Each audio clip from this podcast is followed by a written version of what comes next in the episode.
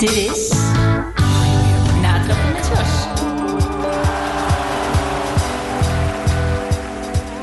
Ja, een hele goede middag. Het is weer maandag. We zijn er weer en we mogen weer twee uur lang lekker over sport gaan praten. En genoeg sport is er eh, absoluut weer geweest. Mijn naam is Charles Lemmens en eh, heel leuk dat je weer luistert. En bij mij in de studio weer twee personen. Zoals altijd is mijn sidekick Philip weer aanwezig. Philip, welkom. Goedemiddag. Heb je gisteren weer eh, veel tv gekeken? Niet veel, maar wel genoten. Ja, en waar heb je vooral naar zitten kijken? Wat heeft de meeste tijd gekost?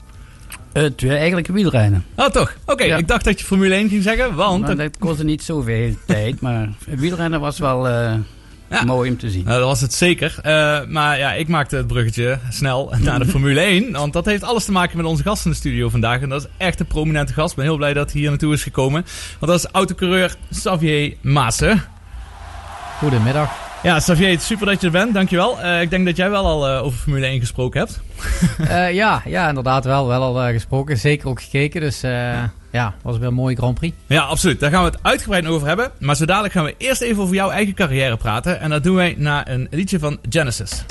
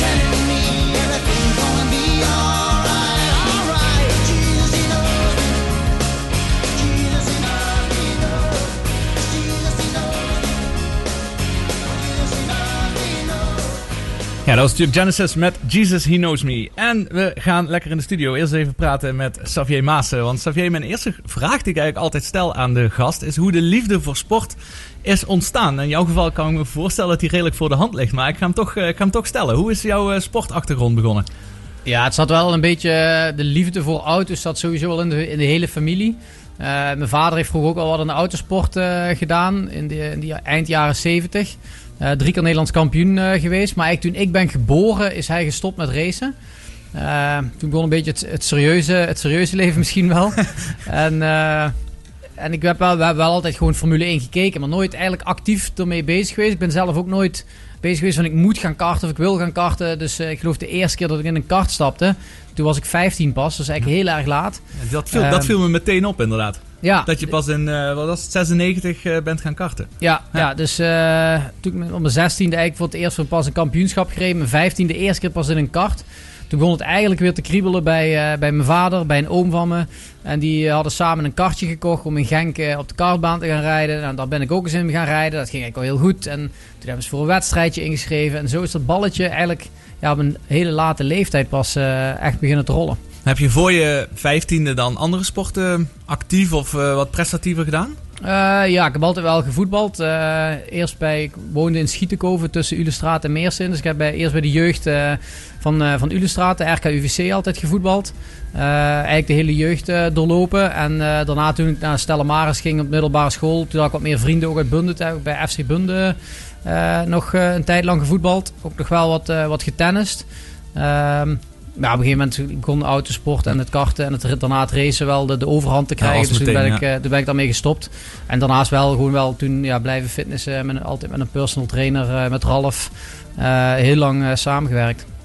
En iedereen kent natuurlijk het verhaal van Jos en Max Verstappen, hoe dat eraan toe gaat op de kartbaan. Is dat Ja. een beetje wat ik me er ook bij moet voorstellen als ik aan jouw verleden denk, dat je met je vader naar de kartbaan toe ging? Nee, ik denk dat mijn vader niet, niet, zo, niet zo heftig was als, als Jos.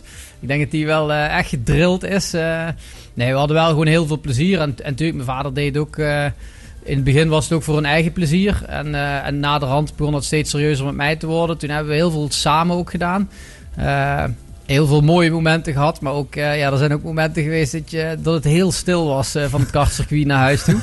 Eh, ja, die dagen, die dagen heb je ook. Maar we hebben, ja, het is een hele mooie periode om op terug te kijken. En kun je iets vertellen over het moment waarop er eigenlijk besloten wordt van, ja, hier gaan we echt op prestatieve voet mee verder? Ja, het begon, het begon eigenlijk met, met karten wel al. Eerst deden we alles zelf.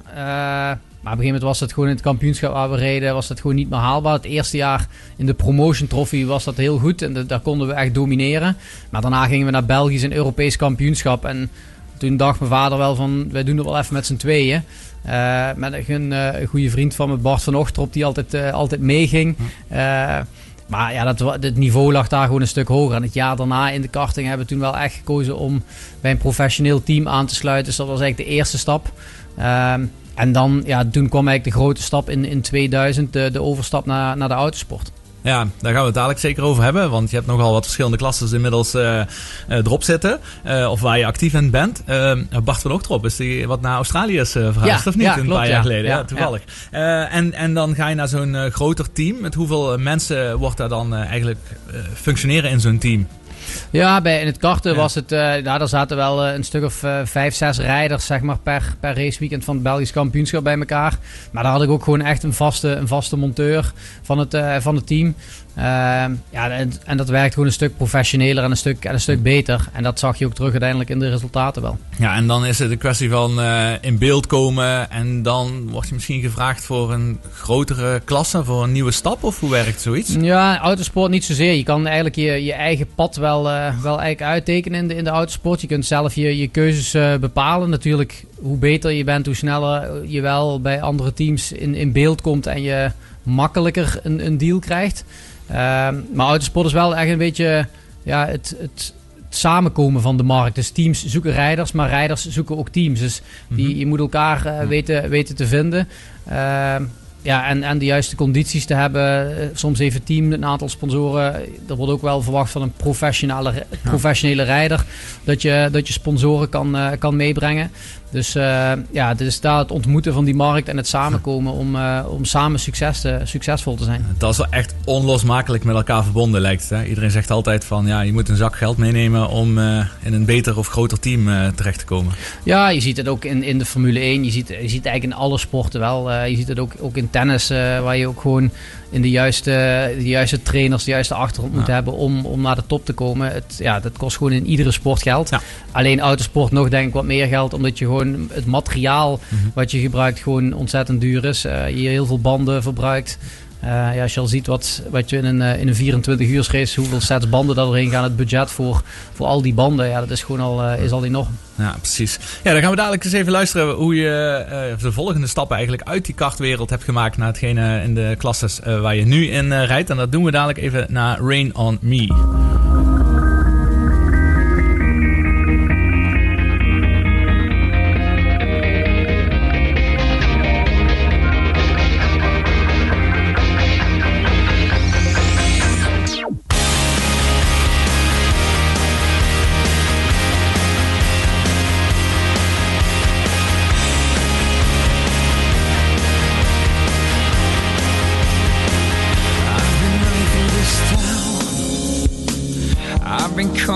Every street.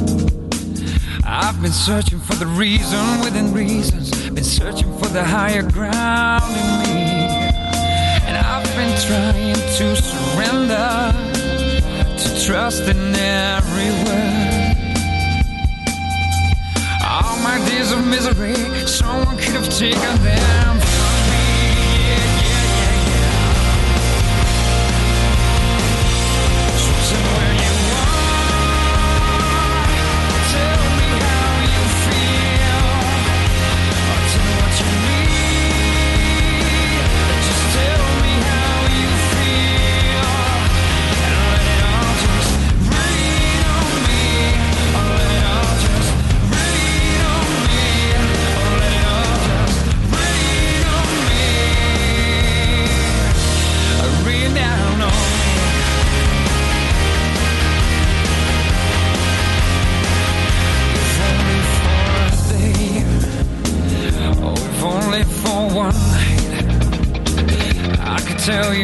everything that I have ever lived for, but I'd give it all away. So look into these eyes and tell me how you feel. Yeah, all my days of misery, someone could have taken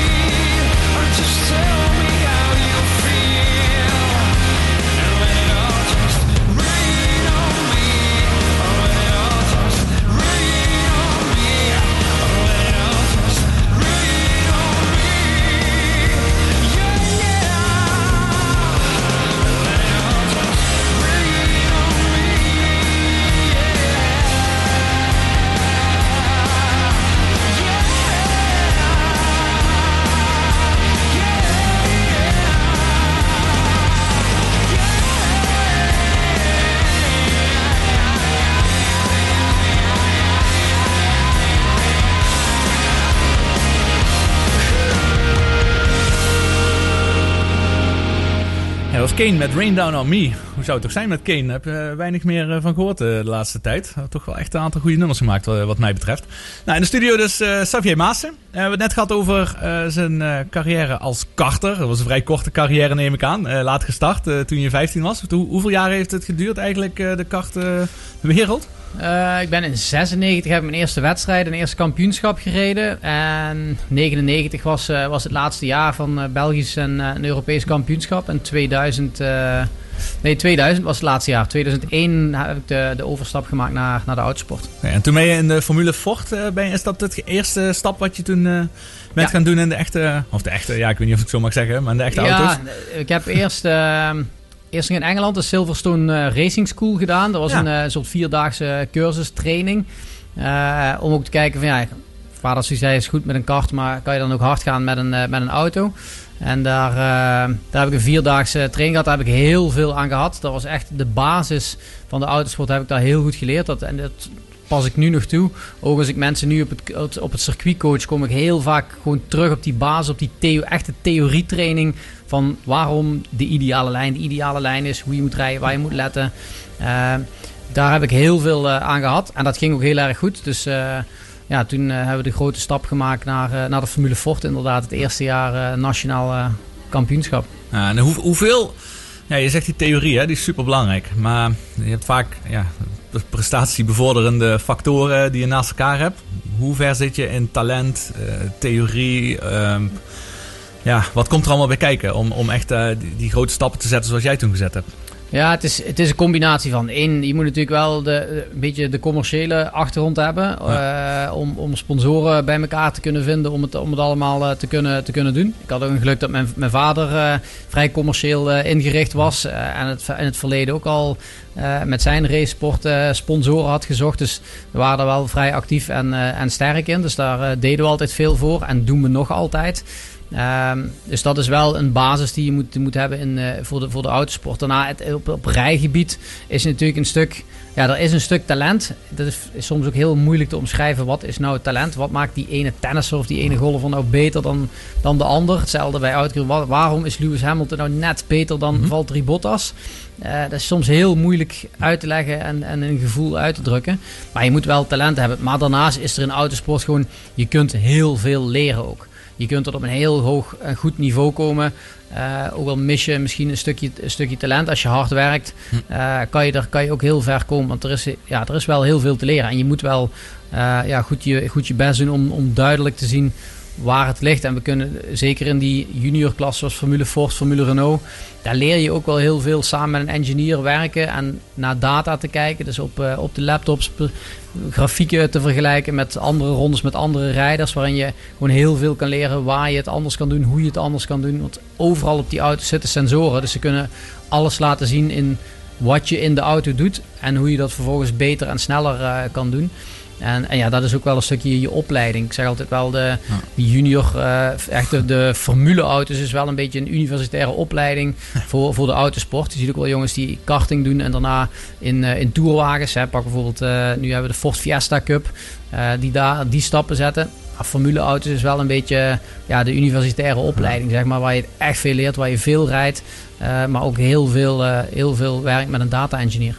Ja, je leert echt al eh, ondernemer te zijn en eh, statistieken uit te lezen, alles. Eh, dat, is, ja, dat is best wel pittig. Daarnaast, is wel heel compleet is het. Hè? En je zegt ook aan het woord talent. Talent is natuurlijk een beetje een containerbegrip. Hè? Want wat is talent? Ja, dat is moeilijk te zeggen. Is het hoe snel je dingen oppakt? Is het gevoel? Is het hard werken? is ook een vorm van talent. Dus dat snap ik wel dat dat moeilijk, moeilijk te zeggen is. En vanuit die...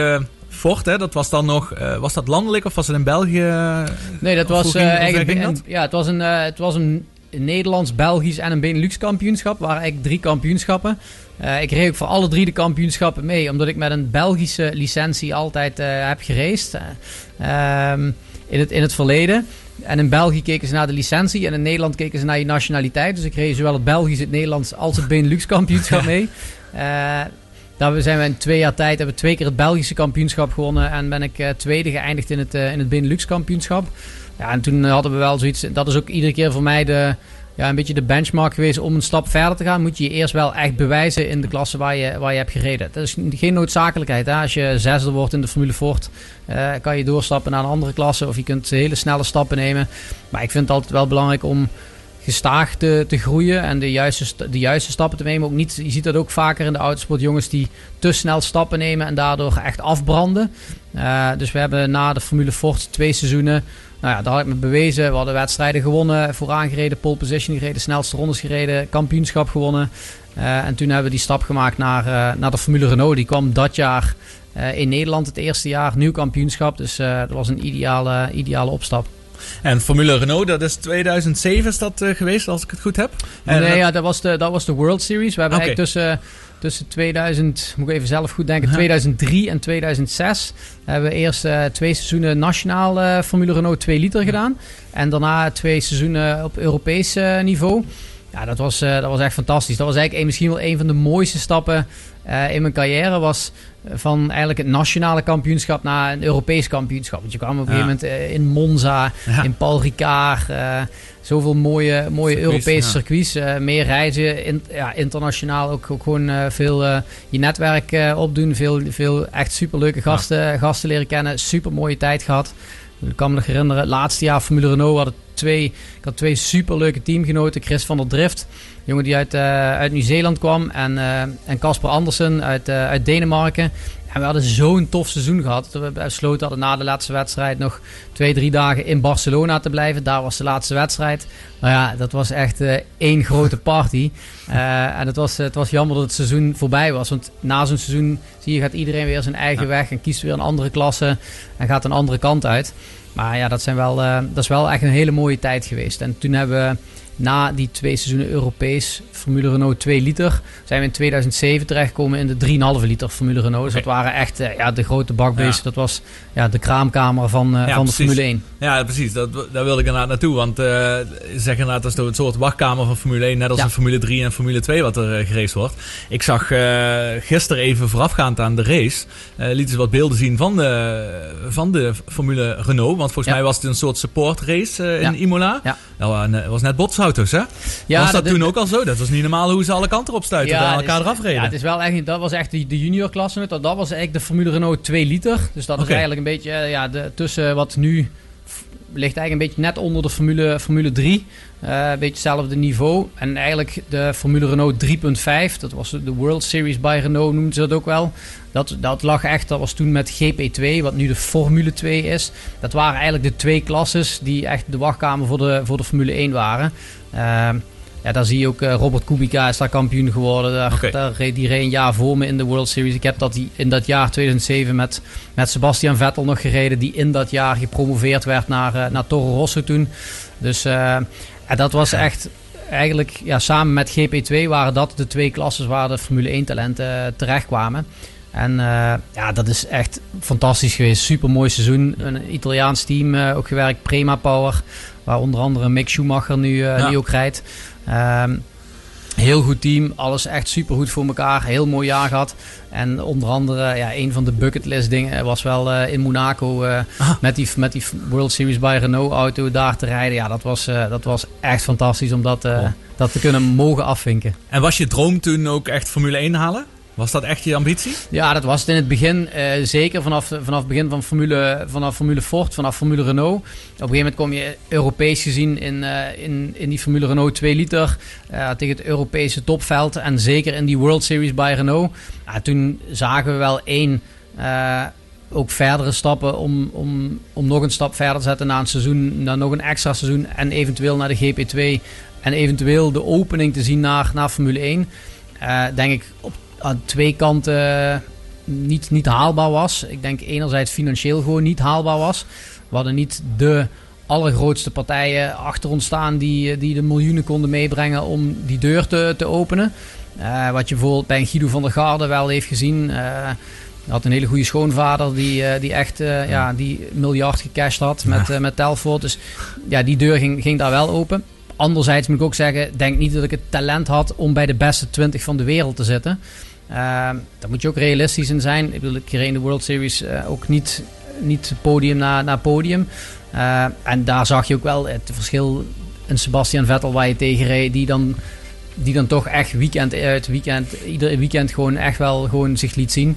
En uiteindelijk vanuit dat Red Bull programma ook eh, in de Formule 1 kwam. Ja, interessant hoe dat, eh, hoe dat in zijn werk gaat. Absoluut. Ehm, ja, we gaan dadelijk even, we gaan even Jerry Rafferty gaan we draaien, Baker Street. Eh, daarna gaan we even bellen met eh, Maurice Bergstein. Dat is eigenlijk een uh, vermaard rallyrijder. Zijn zoon Sam, die is nu in de kartwereld nogal actief. En samen zie ik hun ook veel onderweg, vooral op zolder. Dus benieuwd hoe zij het ervaren om in die kartwereld te zitten. En daarna dan ben ik eigenlijk ook wel benieuwd naar jouw volgende stap. Want van daaruit ben je veel in de Gran Turismo's gegaan. En vooral in die endurance rallies. En wat daar vooral in eh, je heeft getrokken. Waarom je vaak eh, die 24 uur race eh, gaat doen. Ja.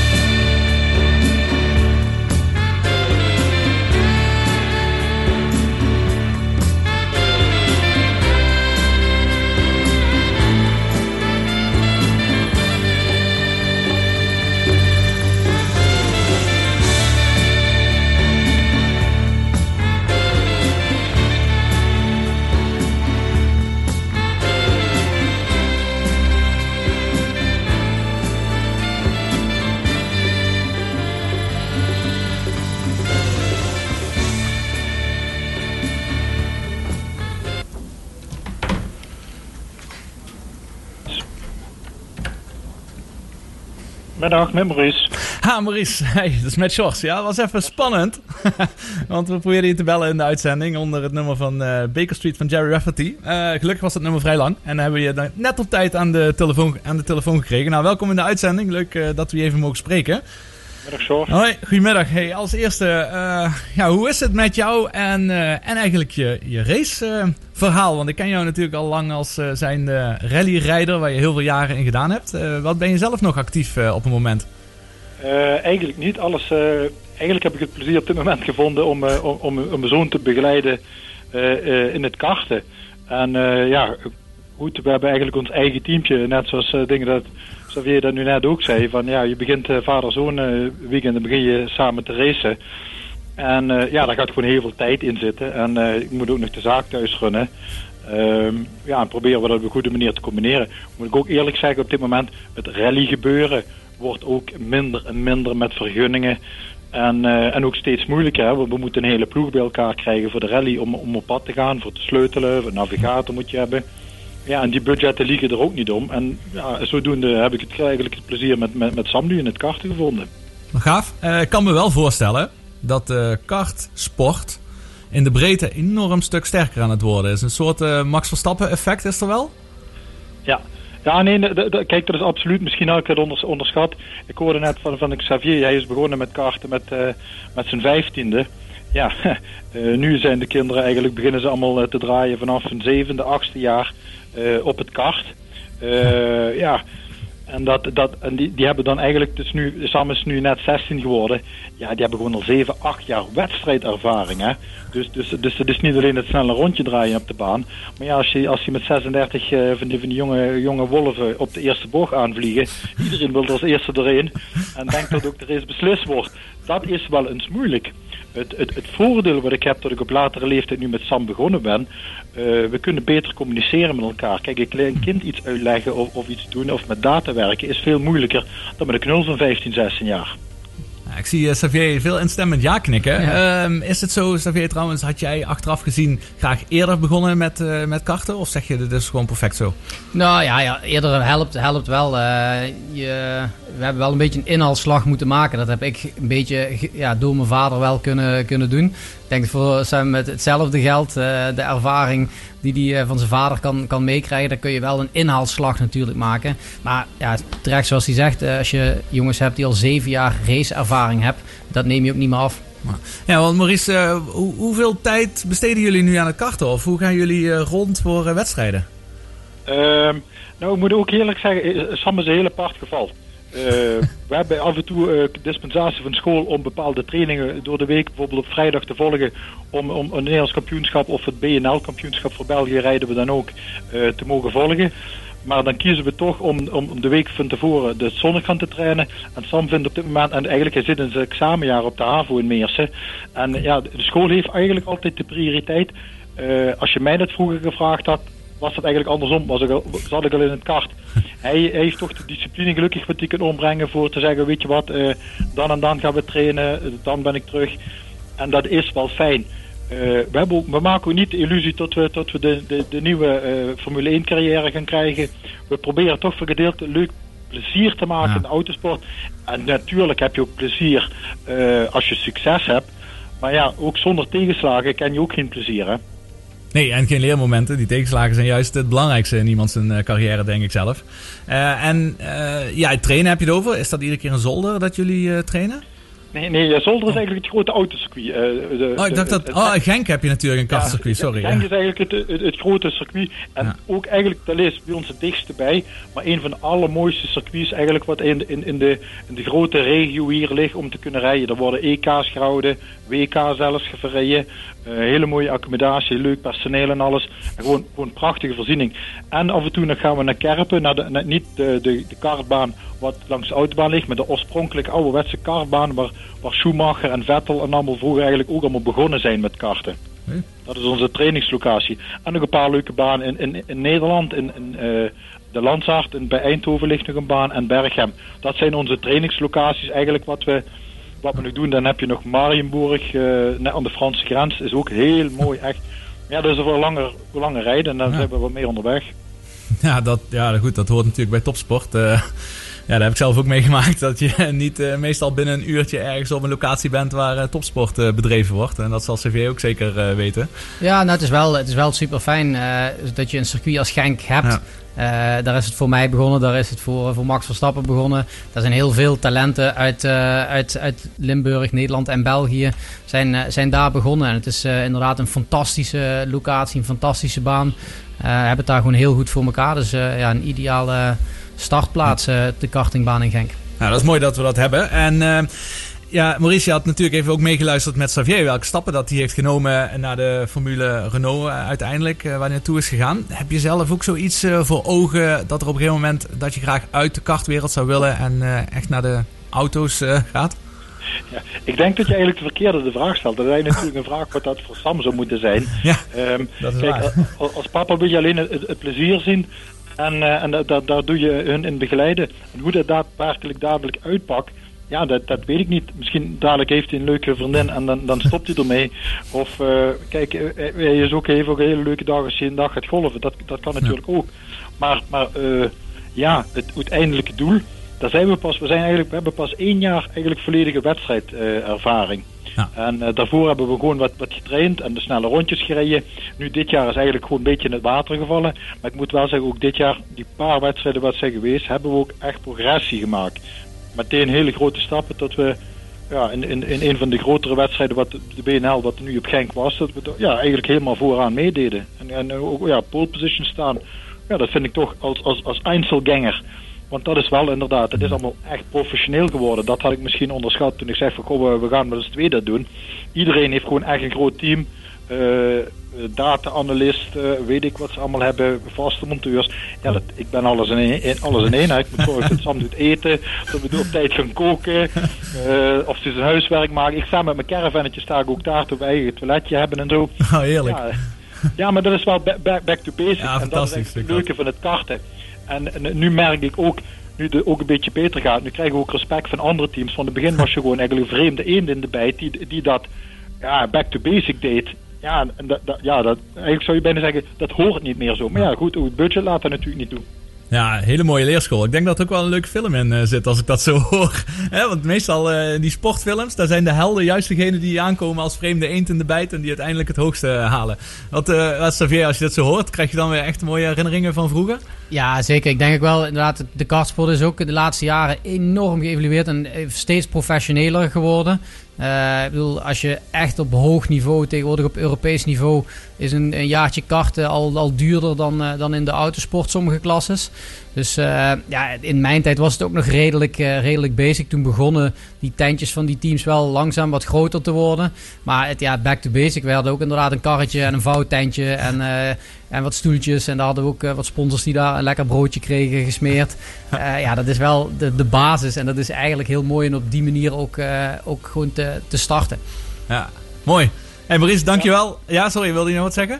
Ja, kijk, dat is ook hetzelfde. In de, de autosport wat ik nu nog doe, ik rij historische rallies dan, maar snelheidsrallies, dus geen puzzelrallies. Eh, ik vind het uiteindelijk ook weer terug leuk, omdat dat ook weer ouderwets is als dat vroeger was. Met, met sleutelen, met monteurs onderweg die deden helpen. En ja, dat, dat maakt het... eh, dat maakt het eigenlijk ook betaalbaar. Hè? Want, want kijk, Form- Formule Formule 1 is prachtig, maar dat is maar voor heel weinigen weggelegd. En er is zoveel leuks in de autosport te beleven. Op allerhande levels, eh, provinciaal, nationaal, internationaal. Ja, en, en, en je moet gewoon genieten van, van de tijd wat is. Want en, ja, dat maak je maar één keer mee als je jong bent. Hè. Kijk, als je de leeftijd voor hebt, heb je vaak het geld niet. En als je het geld ervoor hebt, heb je de leeftijd niet meer. Hè. Ja, dat is wel heel goed. Dat klopt wel, ja. en ja, dat is eigenlijk wat ik, wat ik wil meegeven. Maak plezier, hè. geniet ervan. Fantastisch Maurice, echt eh, wijze woorden. Heel, heel mooi en inspirerend. Hey, dankjewel voor je tijd en veel plezier, vooral veel plezier gewenst met eh, Sam. En natuurlijk ook succes. En eh, ja, we gaan je zeker volgen en wellicht eh, kunnen we elkaar nog een keer bellen in de toekomst. Zeker weten. Hey, Dankjewel. Dankjewel Succes. Maurice. Hoi. Dank je, hoi.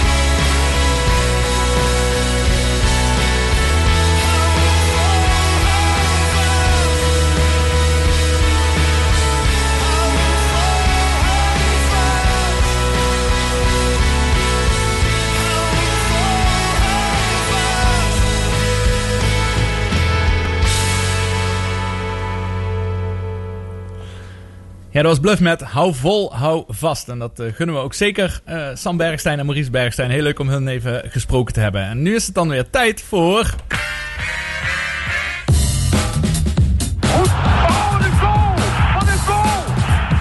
Timmetje, Timmetje, wat ga je doen? En hij staat! Ik staat! Het is ongekend! Daar gaat hij Ippon en neemt hem over. Goud is er voor Mark Huizinga. Het sportmoment van de week. Precies, het is weer tijd voor het sportmoment van de week. En eh, als eerste aan de beurt om zijn sportmoment van de week eh, te laten horen en daar even over te vertellen. Dat is natuurlijk Xavier Maas. En dat zal je niet heel erg veel eh, verbazen waar dit moment vandaan komt. It's seven consecutive Constructors' Championships for Mercedes. They win here in Imola. Get in there, Lewis. That is it, mate. Mercedes AMG Petronas seven times. Seven times, mate. Ja, Xavier, zeven constructeurskampioenschappen op rij. Ja, eh, niet normaal. Ik bedoel, het, het record zat bij, eh, bij Ferrari, die er zes hadden. Dus ze streven nu eh, Ferrari voorbij. Ja, dit, dit is zo'n succesnummer. Zowel Lewis Hamilton als het team van Mercedes. Eh, ja, ze domineren natuurlijk eh, de, de, ja, ook die laatste zeven jaren gewoon echt. Maar ja, is wel, is wel echt even een moment. Het is niet een sportmoment van, eh, van de week, denk ik. Het is wel een sportmoment van het jaar. Eh, als je zeven keer achter elkaar wereldkampioen wordt eh, in de Formule 1, dat is, dat is enorm. En het is altijd een dominantie van een team eindigt altijd ergens. Dus de vraag is alleen niet. Ja, de vraag is altijd gewoon hoe lang kun je, kun je dit volhouden? En eh, ja, zij houden het eh, heel lang vol. En hebben gewoon blijven iedere keer weer pushen en weer verder duwen en weer verder duwen. Blijven naar, hoger, eh, naar hogere doelen streven. En ja, mega. Gewoon mega. Want heel kort even het vergelijk. Ze nemen het record over van Ferrari, die zes keer op rij hebben gewonnen. En, en dat startte vanaf eh, 1999. En die zes jaren hebben zij toen ook zoveel regelwijzigingen mee te maken gehad. Zoals Mercedes bijvoorbeeld in de laatste zeven jaar heeft gehad. Ehm, ja, dat is een goede vraag. Ehm, ik denk minder. Ik denk dat er in de laatste jaren wel veel meer regelwijzigingen zijn geweest. Je, ziet, je hebt de auto's echt zien groot, op grote stappen zien evolueren. Eh, maar ik denk voornamelijk de sterkte van Mercedes is gewoon ook de, de ontwikkeling van een, eh, van een krachtbron van de motor. Dat is de basis van het succes. Maar ze weten ook gewoon keer op keer gewoon binnen die nieuwe reglementen gewoon een heel goed chassis te bouwen. Waar, eh, waar ze mee, dit soort prestaties mee, mee leveren. En ja, je hebt altijd natuurlijk ook een dominante kracht nodig. Dat was eerst Michael Schumacher. En dat is nu ook gewoon Lewis Hamilton, die ook gewoon ja, Duidelijk. record na record aan het breken is. Eh, duidelijk. Ja, heel mooi. Daar gaan we in eh, het volgende uur gaan we zeker nog uitgebreid terugblikken op de Formule 1 van eh, Imola van eh gisteren. Eh, Philip, ehm, het sportmoment van jouw week is eigenlijk ongeveer het enige sportmoment wat we hebben wat niet over eh, Formule 1 gaat. Nou, ik heb bij... Wacht. Eens hoe die weg oploopt. 20% jongens. Dan heb je dat allemaal al in de benen. En dan dit nog. Weer zo'n Carapaz. Ja, ik liet het fragment nog even erbij horen. Eh, vertel maar, gisteren in de Ja. Vuelta. In de Vuelta daar heb ik naar, eh, met veel bewondering naar gekeken. eh, hoe wielrenners een berg van 23% stijgingspercentage naar boven gingen. Bijna stilstonden. Is eh, ongelooflijk op te zien. Dat is ongelooflijk, hè? Ik weet niet. Xavier, Mhm. doe jij wel eens fietsen of volg je het fietsen een beetje? Ja, ik volg het wel eh, zeker. En, eh, en, en fiets ook zelf. Wel meer op de, op de mountainbike moet ik zeggen. Wat een klein beetje meer... eh, ja. Dat Kort gevoel- en explosief, ja. Kort en explosief. Wat meer ook met autosport eh, kan, kan linken. Eh, maar ja, ik vind het wel, eh, vind Ja. het wel super gaaf om te kijken. Ja, want als je een vergelijk maakt, de Keutenberg, de steilste berg ongeveer van Limburg, heeft een heel klein stukje wat 20% is. Maar voor de rest is het meestal in het begin 14, 15%. Dit was gewoon 5 kilometer à 20% omhoog, hè? Ja. die jongens die stonden gewoon keihard te trappen en ze gingen 10 kilometer per uur. Dat heb ik echt, had ik ook nog nooit gezien. Jij? Nee, dat klopt. Vandaar het, eh, het sportmoment, ja. Ja, heel eh, terecht sportmoment. Was, En wie, eh, wie won hem uiteindelijk boven aan de berg? Dat was de Engelsman Carty. Carty. Ja, Carty won hem. En het grappige was, Carty die reed Nou ja, op het zicht misschien, eh, wat zal het geweest zijn, 50 meter, 60 meter Mhm. voor de rest. Maar op het moment de laatste 500 meter vlakte het af. En op die 500 meter, ja, bleek dat het verschil eh, was gewoon 30, eh 40 seconden. 40 seconden, ja. Eh, terwijl het in, in die berg maar 50 meter verschil was. Dus dat geeft wel aan hoe steil het was. Dat was inderdaad een heel mooi, heel mooi moment was dat. gisteren in de Vuelta. Die duurt nog een week. En volgende week, de dag nadat het is afgelopen, is Sander Kleikers te gast. Die geeft op dit moment commentaar voor Eurosport bij de Vuelta. Dus die kan ons alles gaan vertellen over het eh, afgelopen wielerseizoen. Eh, mijn eh, eigen sportmoment, ja, dat was eigenlijk geen... fragment van te vinden. Dus ik doe hem even op, op een andere manier. Want het sportmoment wat mij betreft was uit de tenniswereld. En Xavier, je hebt ook wel wat getennist. En dan is mijn vraag even aan jou. Wie is op dit moment de beste tennisser van Nederland op de ranking? Zo, ik heb al heel lang geen tennis meer gekeken. Ehm, ik zou het echt niet weten wie op dit moment eh, de beste... Sam, Sam Schreuder? Misschien is dat wel een goed antwoord. Dat Sam Schreuder eh, de beste tennisser van Nederland is. Alleen hij is een eh, minder valide tennisser. En hij heeft inderdaad eh, heeft hij de, de US Open gewonnen. Dus dat is zeker wel een prestatie waarmee, vind ik, inderdaad wel als beste tennisser van Nederland geclassificeerd mag worden. Maar ik had verwacht misschien dat je zou zeggen dat Robin Haase het beste tennisser is. Omdat hij dat natuurlijk meer dan tien jaar is geweest. Maar een tijdje geleden is hij al voorbij gestreefd door Tellen Griekspoor. Maar mijn moment gaat eigenlijk over Botic van de Zaltschulp. En dat zal heel weinig mensen iets zeggen. Maar jongen die staat op dit moment staat hij 152ste op de wereldranglijst. En die speelde afgelopen week een challenger in Hamburg. En had die jaar daarvoor had hij ook gewonnen. Hij stond in de halve finale. En hij was hard op weg, eh, ook afgaande op de resultaten, om die titel op zijn naam te schrijven. En daarmee zou hij een stap zetten naar de top 130. En dat betekent nogal veel voor een tennisser. Niet alleen dat hij dan de beste Nederlander zou zijn, maar ook eh, dat hij daarmee eh, zich rechtstreeks ging kwalificeren voor de Grand Slams. En om je een idee te geven, wanneer je vier Grand Slams speelt, verdien je gewoon bijna 200.000 euro. Al verlies je alles in de eerste ronde, want je krijgt bijna 40.000 euro eh, als je de eerste ronde verliest. Dus dat is nogal een grote stap. En eh, hij had de pech dat opeens een valse positieve coronatest om de hoek eh, kwam duiken. Waardoor hij dus echt direct uit het toernooi werd gehaald. Hij heeft nog een contratest erna gedaan. Die was al twijfelachtig. Nou, hij is terug naar Nederland gegaan. Heeft daar zelf meteen weer een test laten doen. En die bleek negatief te zijn. En zo zie je eigenlijk eh, deze week in het voetbal zie je natuurlijk heel veel. Maar ja, het begint er een beetje op te lijken alsof eh, het eh, een extra kunst wordt. Om te zorgen dat je negatieve coronatesten blijft afleveren. Dat is een bizar verschijnsel natuurlijk. Ja, en ook voor hem nu, zo'n bootje van de zandschulp. Ja, vond ik echt een eh, echt sneu eh, voor hem. eh, dat een hele grote kans hem is ontnomen om echt die stap te maken naar de absolute wereldtop. Ja, ik moet zeggen, bij de Formule 1, eh Xavier valt het tot dusver nog wel mee. Ik denk een Perez misschien een keer, maar ja, Perez die, bijna niks. ja, Perez die twee wedstrijden heeft gemist. En het is ook nog bij Lance Stroll die naderhand, eh, die eigenlijk ziek was, daardoor een wedstrijd moest missen. Maar achteraf bleek er dan na het weekend wel een positieve coronatest te hebben gehad. Eh, dus eh, je ziet bij Racing Point wel inderdaad drie, ja, drie keer een rijder aan de kant heeft gestaan vanwege, vanwege positieve coronatest. Ja, dan is dat weinig. Die hebben natuurlijk al een serieuze bubbel. Ik denk dat in de tenniswereld, zeker op challenger niveau, ja, is daar eigenlijk geen sprake van.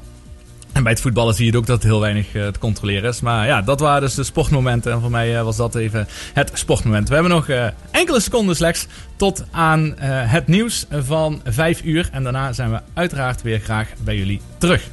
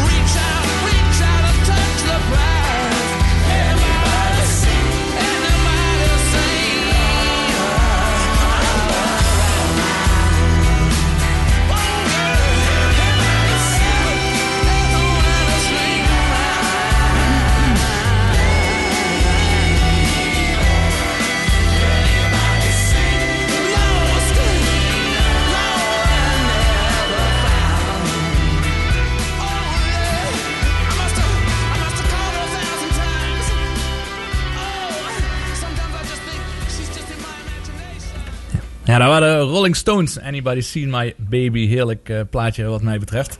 En eh, we hebben natuurlijk nog steeds in de studio hier zitten Xavier Maassen. En met Xavier Maassen gaan we eens even terugblikken op de geweldige Grand Prix die gisteren is eh, gereden. En dat was op het ja, wel legendarische circuit van Imola. Eh, want ja, daar moet toch heel even terug naar 1994. Want dat was werkelijk het meest eh, gitzwarte weekend, denk ik, wat in de Formule 1 ooit geweest is. En dan weten we natuurlijk allemaal als, dat we het dan hebben over de crash van Ayrton Senna. Maar als ik heel even een kleine bloemlezing geef van wat er is eh, gebeurd in dat weekend. Het begon natuurlijk met Barrichello. Die had een grote crash tijdens de training. Eh, kwam die wonder boven wonder, kwam die daar goed uit. De dag daarna was Ratzenberger, die natuurlijk overleed. En was dat in de kwalificatie? Ja, of, in de eh, kwalificatie, ja, ja. Dan de dag daarna was in de start Leto die stilstond. En Lamy die klopte er vol bovenop. Dat was ook een flinke crash. Vervolgens gebeurt met Senna de fatale ongeluk. En tijdens een bandenwissel eh, was er ook eh, Al- Alboreto. En die verloor een wiel. En die verwonden daar ook nog eens eh, monteurs. Nou, ik denk dat dit wel ongeveer het ergste is wat in een Formule 1 weekend ooit is gebeurd. Of? Ja, die optelsom eh, die kun je bijna niet maken normaal in een weekend. Dus ja, sowieso twee mensen in één weekend die het niet overleven. Natuurlijk, Senna wordt heel, gaat heel veel aandacht naar uit. Terecht was natuurlijk ook een mega, mega talent. Maar ook eh, op zaterdag eh, Ronald Ratzenberger die, eh, die overleed. Was natuurlijk ja, twee mensen in een weekend is absurd. Ongekend. Maar oké, is dit een omslagpunt geweest in de Formule 1 betreffende veiligheid? Want hoe kan het dat het op een circuit van Imola is gebeurd?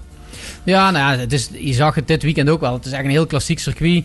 Eh, de, de, echt, daar nog de betonnen muren langs de zijkant staan heel dichtbij. Zoals George Russell ze ook eh, heeft gezien dit weekend. Eh, maar je zag, ja, je ziet... En dat was toen nog, nog veel heftiger. Eh, de eerste bocht was bijna een plankgasbocht.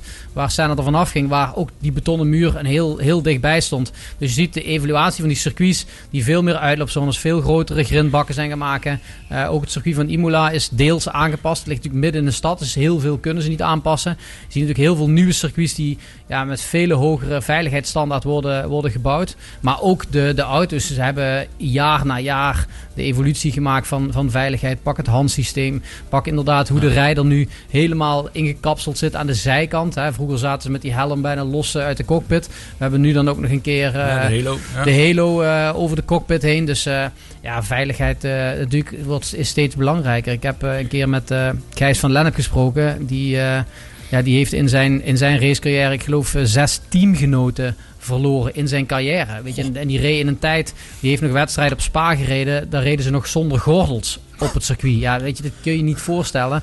Maar ja, daar speelde je, in die tijd speelde je echt met je leven. En nu, je ziet wel ja, hoeveel veiliger de autosport is geworden. Gelukkig. Ja, gelukkig. Maar je hoort wel natuurlijk heel veel mensen nu zeggen dat dit circuit, zo'n circuit als Imola, zo'n karak- karakteristiek circuit met eh, nog echt grindbakken en betonnen muren langs, dat die wel ja, spectaculairder of mensen dat wel mooier vinden dan, ik noem een... eh, in Frankrijk, hè, het Paul Ricard, dat Ja, circuit geloof ja. ik. Eh, Dus eh, daar kun je volgens mij alle kanten op zonder dat je iets raakt. Eh, En volgens mij in, eh, in Abu Dhabi, ja, dat is ook wel een stuk heel technisch langs de muren. Maar in het begin heb je natuurlijk heel veel uitloop daar. Ja, ik, ik, ik vind vooral, eh, het, als je kijkt naar de evolutie van het circuit van Spa, vind ik een heel tekenend eh, voorbeeld. Je ziet in Spa natuurlijk zo'n mooi circuit. Maar als je daar de oude, de oude beelden ziet, waarin je Rouge inderdaad geen uitloopzones hebt. Nu is Rouge misschien nog een kleine, ja, Kleine uitzondering, maar als je ziet de, de dubbele linker. Als je, daar, weet je, als je daar op de limiet rijdt en je gaat net eraf en je komt in het gras en vol in een grindbak terecht. Dan heeft dat, heeft dat veel meer sfeer als je daar echt een goede ronde eruit kan persen. Terwijl nu, je gaat die dubbele linker in een spa. En je kunt gewoon, ja, als je het niet redt, ja, dan rij je over het asfalt eh, even buiten en je komt weer terug de baan en je gaat weer verder. Eh, plus, dan krijg je nog de hele discussie van die track limits, wat ook gewoon niet bevorderlijk is. Van, ja, iemand heeft een fantastische tijd gereden. Ah nee, hij staat met vier wielen net met over het asfalt gereden. eh, en zijn tijd wordt afgenomen. Wat ook niet past in de sfeer, vind ik, van, van de autosport. Dus ik, ik zou heel graag zien aan het circuit van Spa. dat daar inderdaad misschien het eerste stuk wel weer een grasstrook komt. En misschien daarna weer een stuk asfalt legt om het veiliger te maken. Want asfalt remt ook vaak veel meer af dan bijvoorbeeld de grindbakken. Maar leg dat eerste stuk, leg er gewoon een strookje van 30, 40 centimeter gras. Waardoor je gewoon niet over de limiet gaat. En als je over de limiet gaat, dat je gewoon drie seconden op een ronde verloren hebt. En niet dat je nog over de limiet gaat en nog net sneller kan gaan. En dat is Spa denk ik wel tekenend voor. Ik heb ook veel wedstrijden gehad waarin je gewoon ziet in een kwalificatie dat gewoon ja 20 rondetijden worden afgenomen van mensen die de track limits eh, overschrijden. Ja, Ja. Dat moet je gewoon niet hebben, Nee. vind ik. Ja, dat snap ik. Ja, het moment eh, gisteren natuurlijk zeker voor de Nederlanders eh, was eh, toch wel licht eh, dit eh, momentje. Oh dear, that's Max. Max Verstappen. And as you can see, right rear tyre has gone completely. What has happened to Max? Ja, dat is inderdaad eh, de klapband eh, van Max Verstappen. En eh, wat hij daarna eh, zelf daar nog over zei. Ja, weer. Dus eh, drie keer nul in Italië. Dus dat is Ja, niet best. Dat is niet... Hoe zit dat? Ja, dat is toeval. Ja, weet ik veel. Dus, eh, ja, kon een hele goede race zijn. Ja, het was helemaal... Ook die, maar die inhaalactie, hoe je hem opleidde voor Bottas. En toen maakte hij dat foutje. Ja, dat gaat natuurlijk nog even door. Maar eh, dat is een van de ergste dingen, denk ik, eh, die als een coureur kan eh, overkomen. Ja, zeker als je net een wedstrijd hebt waarin je ook gewoon eh, ja, aan bal bent. Die tweede plek, die Mercedes splitten. Dat is eigenlijk ongeveer het enige wat hij kan doen om een keer voor een Mercedes of misschien voor twee Mercedes te komen. Eh, maar als hij er al één voor eentje komt, dan heeft hij al heel goed gedaan. En als dan zoiets gebeurt, is dat natuurlijk heel erg eh, zuur. Ja, het gebeurt in de autosport. Het was, het was ook eh, zonder enige reden. Ik heb vandaag toevallig nog, eh, nog, nog, nog gelezen dat eh, inderdaad dat er geen ja, specifieke reden was. Het is gewoon een band die ontploft is. Wat er gebeurd is, ja, weten, weten we niet. Maar ja, heel erg balen voor, voor Verstappen. Terwijl Pirelli volgens mij probeerde nog een beetje af te schuiven op wat debris, wat brokstukjes her en der. Dat dat in die band was gekomen. Ja, het, het, het, zal, het zal haast wel moeten. Ik bedoel, Er is geen reden waarom die band kapot is gegaan door een constructiefout. Ik denk inderdaad dat er, ja, er zijn wel, waren wel wat dingen van tevoren eh, gebeurd. Eh, ja, dat zag je ook terug bij, bij Bottas, die een zware wedstrijd had. Die echt een heel stuk vleugel van een Ferrari onder zijn auto vandaan toverde aan het einde van de wedstrijd. Dus eh, ja, daar, ja, die hebben gewoon wel... eh, er is wel wat een en ander gebeurd. En daar, hebben ze, ja, daar heeft hij waarschijnlijk net over een stukje, net verkeerd over iets gereden. waardoor die band kapot is gegaan. Ja, het kan een keer gebeuren. Dat, Ja.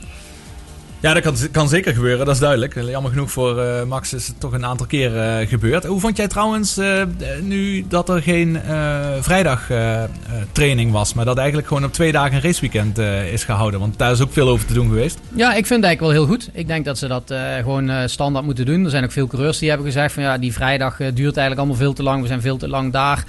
Kostenmatig is het ook veel interessanter als je ziet wat er aan extra kosten is aan hotelovernachtingen. Aan al die mensen die extra dagen op het circuit moeten werken. Ik denk dat ze qua kostenefficiëntie veel beter gewoon op die zaterdag kunnen starten. En het geeft gewoon veel meer... eh, veel meer variabelen. Weet je, nu als je drie vrije trainingen hebt, dan komt eigenlijk altijd hetzelfde wel. Dan kan iedereen zijn programma doen en het maximale uit zijn auto halen. Terwijl nu, als je in één vrije training net de verkeerde kant opgaat, dan kan een Mercedes ook in één keer een slecht weekend hebben. Of gebeurt er in die wedstrijd iets omdat ze in de vrije training niet genoeg tijd hebben gehad om de dingen perfect op een rij te krijgen. Zeker als ze op circuits komen waar er weinig geraced is in de laatste jaren. Dus eh, ja, voor mij pad eh, wordt het gewoon altijd zo. Ik denk dat het veel beter is en veel meer spanning in het kampioenschap en veel meer verrassingen in wedstrijden kan, eh, kan gaan geven. Ja, denk je dat dat ook terug te zien was in de race? Want als je het mij vraagt, ik denk ongeveer de eerste nou, misschien 40 rondes was het nog redelijk rustig, vond ik. Eh, tot eigenlijk het moment dat Verstappen het bal opende met gevecht met Bottas. En daarna eigenlijk door zijn klapband en dus de safety car. Toen, ging opeens, eh, toen werd het opeens een één groot spektakel. Ja, nou in het begin eigenlijk ook wel. Want je, je zag, niemand wist eigenlijk. Ja, en dat kwam ook door, door ja. het nieuwe. Door, door de baan waar lang niet is gereden, veel jaren. Eh, iedereen verwachtte eigenlijk dat, dat ze zouden starten op de medium of op de soft. En daarna naar de medium zouden gaan. Dus dat je alleen de medium en de soft gingen gebruiken. Maar je zag in, in al heel snel dat de, de bandenafbouw al heel hoog werd. Waardoor heel veel mensen in één keer naar de harde band gingen. Wat van tevoren niet verwacht was. En daardoor kwamen er gewoon verrassingen. Daardoor komt in één keer een Raikkonen heel sterk terug. Daardoor komt in één keer een eh, George Russell in de punten. En vouwt hem vervolgens op de muur. Ja, er gebeurde zoveel. Eh, een Perez die, die slecht hadden gekwalificeerd bij Racing Point. Allebei de auto's niet in Q3. Eh, de roze Mercedes'en die toch wel verwacht worden om voor, echt vooraan te staan. Die er in één keer niet stonden. Maar aan de wedstrijd Perez die weer hard terugkomt. Ja, er gebeurde zoveel in die wedstrijd. Zeker nadat Verstappen eraf vloog. Ehm, ja, het was een, een hele, hele mooie wedstrijd. Er was heel veel over te zeggen. En bijna over iedere coureur is er wel Ja. wat, eh, wat te vertellen. Eh, zo ook bijvoorbeeld over een, een Albon die toch eh, ja, echt, echt door het ijs weer zakt. Hij heeft drie wedstrijden de tijd om zich te bewijzen. Maar eh, ja, ik, ik denk niet, al rijdt hij een goede wedstrijd in, eh, in Turkije in de volgende wedstrijd, denk ik niet dat we hem volgend jaar in de Red Bull gaan terugzien. En dan moet hij wel echt eh, twee podiums of zo nog bij elkaar gaan rijden. Wil dat, wil dat nog gaan gebeuren? Ja, en dan nog vraag ik me af. Ja. Hij, zit gewoon, hij zit gewoon te verder af, maakt te veel fouten. Ik denk dat het een ja, gevalletje is gewogen en te licht bevonden. Nou, denk ik ook. Heb je daar enig voorspellend inzicht eh, wat daarmee gaat gebeuren? Want die, die hele stoeltjesdans, ja, begint toch wel aardig eh, op gang te komen ook wel. Ja, nou, Red Bull heeft in ieder geval, wat eigenlijk verbazingwekkend was, aangegeven dat ze buiten hun eigen talentenpool gaan. Eh, dat ze niet inderdaad Gasly weer gaan terugzetten, die het enorm goed doet. Ik denk misschien wel samen met Verstappen en Hamilton de beste coureur dit jaar. Bewijst keer op keer met die Alfa Tauri dat hij echt het maximale eruit haalt. Ehm, maar dat ze er niet voor kiezen is, is duidelijk. Eh, en ik denk gewoon dat Albon het niet gaat redden. Dan blijven er twee namen over. Dat is Hulkenberg en dat is Perez.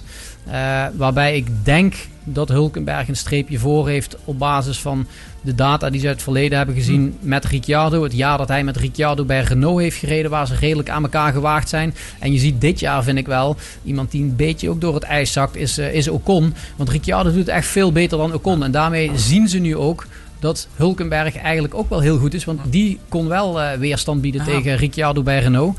Eh, wat Ocon op dit moment niet kan. Dus ik denk, ik denk wel dat, eh, dat Hulkenberg eh, goede kaarten goede kaart heeft. Ik zat nog heel even te denken voordat het definitief werd dat Russell toch bij Williams bleef. Want zou, misschien zou die wel weggaan en zou, die, eh, zou Perez zijn plaats innemen. Toen dacht ik, oh ja, dan moet je Russell naast Verstappen zetten. Dat is ook een hele mooie combi als dat zou kunnen. Weliswaar als Mercedes junior zou dat misschien moeilijk zijn, maar dat zou wel een hele goede keuze zijn. Maar eh, ik denk dat we Hulkenberg volgend jaar naast Verstappen gaan zien. Ja, mooie insights. Vooral wat je inderdaad zegt, dat eh, wat gebeurt in Renault. Ehm, dat is heel mooi dat dat gebeurt. En wat denk je trouwens, eh, hoe, of hoe knap is het eigenlijk wat Ricciardo dan bij Renault doet? Ja. Met twee podiums nu. Ja, hij doet, het, hij doet het heel goed. Ik zag vandaag een artikel al verschijnen van... Is het niet de verkeerde keuze geweest om naar McLaren te vertrekken? Want Renault begint eindelijk, na zo lang, hè, na zoveel jaren roepen... wij zijn de beste, wij zijn de dingen... eh, de Cyril eh, heeft, eh, heeft veel woorden gehad met, met Christian Horner. Maar ze beginnen zich langzaamaan te bewijzen. Ze zijn natuurlijk nog niet op het niveau van Mercedes of Red Bull. Maar beginnen, ja, beginnen nu podiums zeker. langzaamaan te scoren. En doen, het, doen het gewoon goed. Hebben die, hebben die sweet spot van die auto echt weten te vinden dit jaar.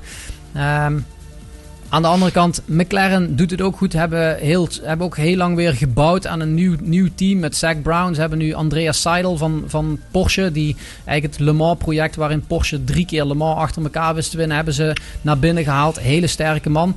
En ik denk Ricciardo samen met, eh, met Norris. Volgend jaar Mercedes motoren bij McLaren. Dus ik, ik denk niet dat Ricciardo een slechte keuze heeft gemaakt. Maar ze zullen, ze zullen stevige tegenstand gaan krijgen van, eh, van Renault. Die eh, echt aan het groeien zijn. Je zei net eh, gewogen en te licht bevonden van Albon. Maar waarom worden die coureurs na afloop allemaal gewogen? Nou, dat, ja, het gewogen, nou ja, gewogen en te licht bevonden bedoel ik Nee, weer. nee, eh, bedoel na- de precies. race. Ja, na de race worden ze, worden ze altijd gewogen, omdat er is eh, een reglement waarin ze moeten voldoen in de zin wat de rijder plus de auto bij elkaar moeten wegen. Daar mag je niet lager komen, dus je mag niet, ja, je hebt een minimumgewicht. Dus de rijder eh, wordt gewogen en de auto wordt gewogen en dat bij elkaar opgeteld moet een bepaald ge- minimumgewicht opleveren. Als jij ja, met 10 kilo of 20 kilo minder hebt gereden, dan heb je natuurlijk heel veel voordeel. Dus eh, vandaar dat ook de coureurs altijd worden gewogen na de wedstrijd. Ja. Oké. Ja, laatste stukje even over, over die wisselingen. Want ik denk dat er eh, eentje wel heel erg veel pijn in zijn buik eh, heeft. Eh, Carlos Sainz. Want je hebt het net over McLaren. En hij is natuurlijk, was, ik denk in zijn nopjes dat hij naar Ferrari kon. Maar ja, Leclerc doet het niet slecht, denk ik. Maar een Vettel is het niet om aan te zien op dit moment. Dus er zijn er, je zegt net, Ricciardo die naar McLaren gaat. Nou, dat lijkt niet alsof er een groot verschil tussen die twee stallen op dit moment zit. Maar als je nu die overstap naar Ferrari maakt, dan heb je ook wel wat te bewijzen. Ja, het is, het is, natuurlijk, het is natuurlijk heel moeilijk. eh, aan de ene kant, als je in je, in je Formule 1, in, überhaupt in je autosportcarrière of in je Formule 1 carrière de kans krijgt om voor Ferrari te rijden, dan is dat toch gewoon echt fantastisch. Ze zijn op dit moment zeker niet goed. Eh, alhoewel, ja, het, het bizar inderdaad is dat een viervoudig wereldkampioen het zo moeilijk op dit moment heeft.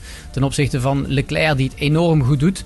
Eh, dus de vraag is: zit er toch een verschil in talent of, of niet? Of waar, ligt aan? Het is heel moeilijk daar de vinger op te leggen, vind ik. Want Sebastian Vettel wordt een beetje ja, weg, eh, weggewuifd. Maar eh, ja, hij is gewoon wel heel sterk en een enorm goede, goede coureur. Dat heb ik met eigen ogen kunnen, kunnen zien. Toen ik in 2007 met hem samenreed. Ehm, maar ja, Leclerc doet het op dit moment wel gewoon beter. Eh, Ferrari heeft ook, denk ik, eh, een lange weg te gaan. We zien ook waar bijvoorbeeld McLaren vandaan is gekomen toen Alonso er kwam met de Honda-motoren. Dat was in het begin ook een drama. En je ziet dat McLaren nu weer de weg terug naar voren pas weer eh, heeft weten te vinden. En dat zal bij Ferrari ook nog enige tijd gaan, gaan duren. Dus op de korte termijn ja, is het misschien de verkeerde keuze om nu naar Ferrari te gaan. Aan de andere kant, om in je Formule 1 carrière voor Ja. de Scuderia te mogen rijden, is wel, eh, is dat- wel iets unieks. Ja, dat begrijp ik. Nou, even het laatste van dit eh, lange blok, maar wel heel interessant om dat te horen vanuit de ja, binnenkant eigenlijk, omdat je er zoveel vanaf weet. Is wat verwacht je eigenlijk van de nieuwe reglementen die er eh, aan zitten te komen? Ja, dat kan weer eh, een hoop. eh, ja, een hoop roet in. Of ja, roet. Eh, het kan wel weer de, een hele, de kaarten worden opnieuw geschud, laat ik het zo zeggen. Ehm motorisch gebied gebeurt er niks. Daar weten we van, is Mercedes nog altijd de sterkste. Eh, de rest blijft, blijft maar eh, ja, erachteraan lopen en komen wel steeds dichter in de buurt in die ontwikkeling die er die laatste jaren is geweest met die motoren. Maar ook de motoren blijven wel echt nog voor langere periode hetzelfde. Dus er gaat voornamelijk op eh, chassisgebied wat veranderen. We, hadden, we hebben dat, die verandering al eerder gezien. Toen hadden we ook allemaal de hoop dat die ja, dominantie van Mercedes zou eindigen. Eh, dat is niet gebeurd. Maar eh, ja, het is nu wel heel rigoureus. Het, het reglement verandert echt heel heftig. Dus eh, ja, de teams die daar hun, hun best doen. Het kan zomaar weer zijn Ja. dat Ferrari vooraan rijdt. Of het kan zomaar zijn dat Red Bull echt een hele goede auto gaat bouwen.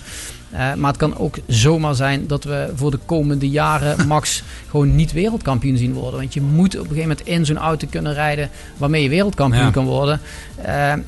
En ja, ik denk er soms wel eens over na. Dat ik denk, oh, het, het zou echt zo kunnen zijn dat Verstappen een, dat het een verhaal wordt van een van de grootste talenten die we ooit hebben gezien, die nooit wereldkampioen is geworden.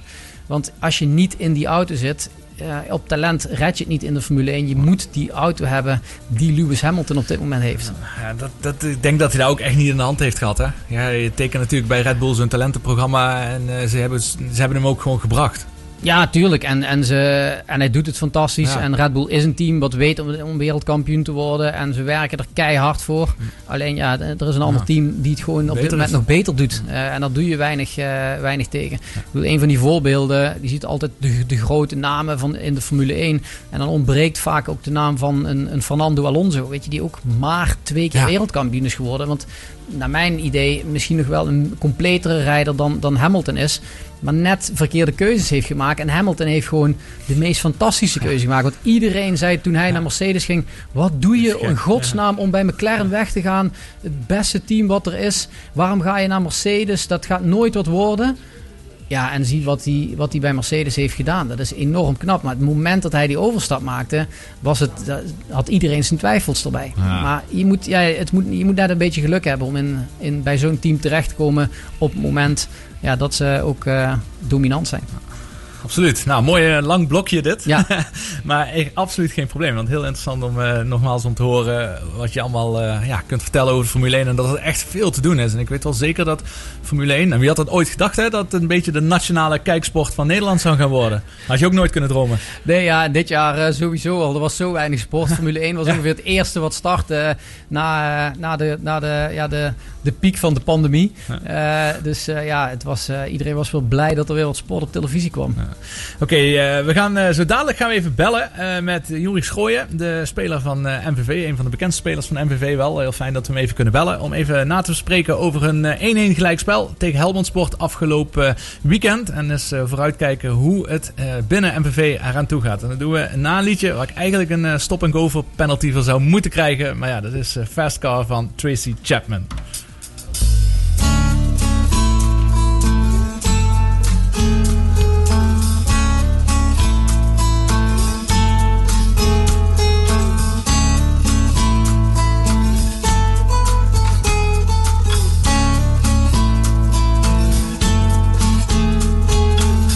Get a fast car. I want a ticket to anywhere. Maybe we make a deal. Maybe together we can get somewhere.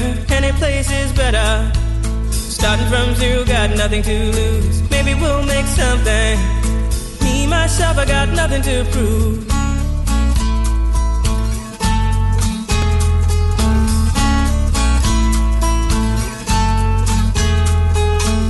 You get a fast car. I got a plan to get us out of here. Been working at the convenience store. Managed to save just a little bit of money. Won't have to drive too far. Just cross the border and into the city. You and I can both get jobs and finally see what it means to be living.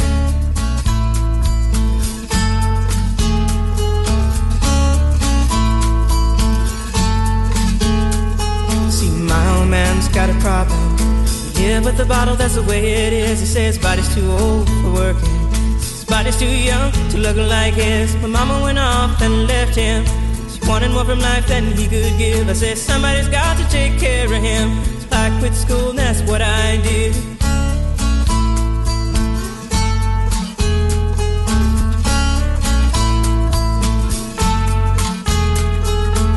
You get a fast car. Is it fast enough so we can fly away? We gotta make a decision. Leave tonight or live and die this way.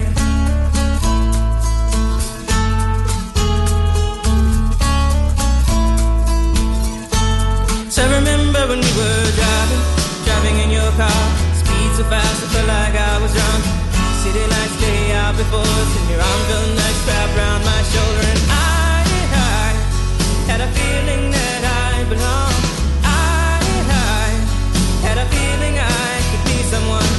Someone, be someone.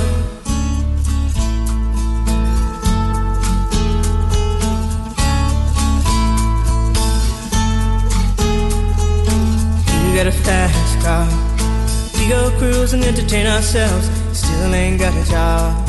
Now work in the market as a checkout girl. I know things will get better. You'll find work and I'll get promoted. We'll move out of the shelter, buy a bigger house and live in the suburbs.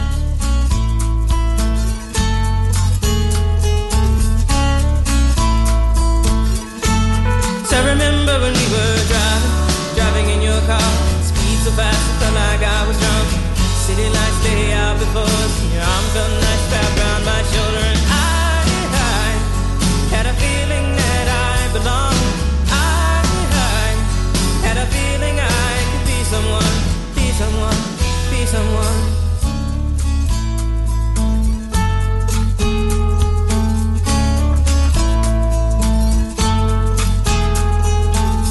got a fast car. I got a job that pays all our bills. Instead of drinking late at the bar, see more your friends than you do your kids. I'd always hope for better. Thought maybe together you and me find it. I got no plans, I ain't going nowhere. Take your fast car and keep on driving.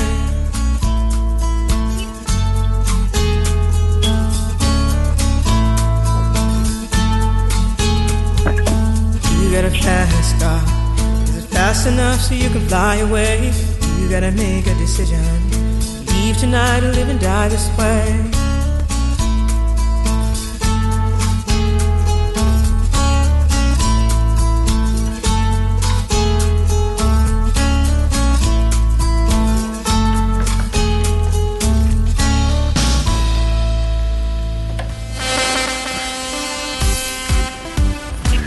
Dat was Fast Car van Tracy Chapman. En als we dit eh, deuntje op de achtergrond horen, dan weten we dat we weer even over MVV kunnen gaan praten. En deze keer ben ik eh, heel blij dat eh Jori Schooien aan de lijn hangt. Jori, welkom in de uitzending.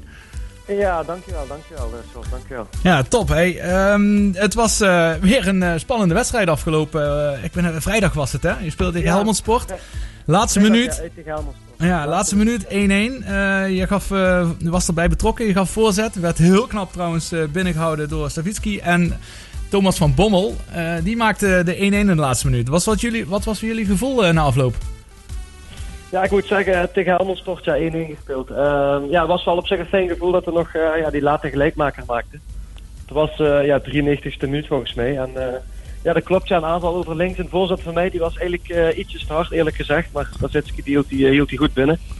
En toen eh, kwam hij voor de voet van Van Bommel. Die maakte zo zijn eerste in betaalde voetbal. Dus ja, was, was een. Dat is beter als verliezen inderdaad. Nee, absoluut. Ik kan me voorstellen dat er echt wel wat opluchting was. Je hebt natuurlijk best wel een beetje een moeilijke periode gehad, de laatste drie wedstrijden. Maar als je het mij vraagt, eh, behalve tegen Cambuur, zijn jullie geen één wedstrijd kansloos geweest. Nee, dat klopt. Dat is ook zo. We hadden op zich nu een eh, moeilijke periode. Ja. We hadden de laatste drie wedstrijden verloren. Eh, ja, tegen op zich goede tegenstanders. Eh, maar nee, klopt. Ja, we, doen echt, echt goed mee met ook de betere tegenstanders, zeg maar, qua voetbal. Maar alleen tegen Cambuur, ja, toen werden we wel eigenlijk ja, weggespeeld. Maar eh, ja, moeilijke fase. Dus het was, eh, was een grote opluchting dat we gelukkig 1-1 nog maakten. Dat klopt, ja. Maar als je dan bijvoorbeeld eh, ook een wedstrijd tegen Jong Ajax als voorbeeld, hè, waar jullie voorkomen en natuurlijk grote kans was om 2-1 voor te komen, maar dat je in de eerste helft eigenlijk alle wedstrijden heel goed meedoet en zelfs op verdiend op voorsprong zou moeten komen en dan slaat het toch net de andere kant op. Kun je, wat voor een gevoel leeft dan in het veld? Waar, waar komt dat een beetje door? Ja, wat voor gevoel heeft dan? Dat is, ja, dat is gewoon eigenlijk een, eh, ja, om het zo maar te zeggen, een klote gevoel. Want ja, veel, eh, veel eerste helft dat doe je steeds heel goed mee. En dan handel je er gewoon op als team van, ja, je moet wel goed de kleedlokaal uitkomen in, eh, de rust. En ja, een of andere manier na de rust ja, slaat het steeds om. Dus ja, waar het dan ligt, dat is ook een beetje ja, de veerkracht van het team moeten we dan tonen. En eh, nee, dat klopt tegen Jong Ajax ook, voor rust eh 1-0 voor. En ja, dan 1-1. Ik moest 2-1 maken, ja. Ja, dat is de wedstrijd wel heel anders, maar eh, ja, uiteindelijk ga je wel nog eh, ja, eigenlijk wel dik, eh, dik eraf. Dus op zich wel jammer. Maar ja, op zich, ik zeg al, tegen goede tegenstanders doen we gewoon goed mee. En ja, op naar de volgende wedstrijd, zo simpel. Nou, je ziet natuurlijk bij AZ dat er wel eens in een eh, ploeg kan sluipen dat er een paar keer achter elkaar even misgaat, terwijl je wel echt de, de betere bent. Ehm, Maar wat, wat in jouw geval, kijk, jij speelt natuurlijk zelf al sinds, eh, als ik het goed heb, 2016 eh, speel je bij MVV. Ehm, Ja, je klopt, ja. wordt Ja. ook wel ieder jaar een beetje met een nieuw team ja, opgezadeld. Klinkt wat negatief, dat wil ik zeker niet zijn. Maar je hebt natuurlijk heel veel nieuwe spelers om je heen. Is dat ook iets waardoor je ieder jaar ja, wat moeilijker, he- of moeilijker hebt in de start? Ja, op zich, eh, ik, ik geef je daar wel gelijk in op zich. eh, ik denk, eh, ja, MVV zijn zeg maar dat ze spelers voor twee, drie jaar kunnen vastleggen. Dat zou natuurlijk beter zijn. Alleen, nee, elk jaar worden de, ja, de betere spelers die worden weggehaald. Of, of die veel huurlingen hebben steeds. Dus ja, dan moet je weer opnieuw beginnen. Op zich, is dat, op zich is dat wel moeilijk. Ja, dat klopt. Daar geef ik je wel gelijk in. En ja, ik speelde wel een tijdje bij MVV. Dus het zou wel het fijnste zijn als, als je een paar jaar met hetzelfde elftal kunt spelen. Maar ja, helaas is dat niet zo. Dus. Maar krijg je nu een beetje het gevoel dat jullie team wel gesetteld is? Na die openings, eh, je hebt tien wedstrijden gespeeld. Ja, klopt. Ja, tien wedstrijden gespeeld. Ik moet zeggen, wel een goede start hadden we. We kwamen al ja. ja, vrij snel op, op punt of acht.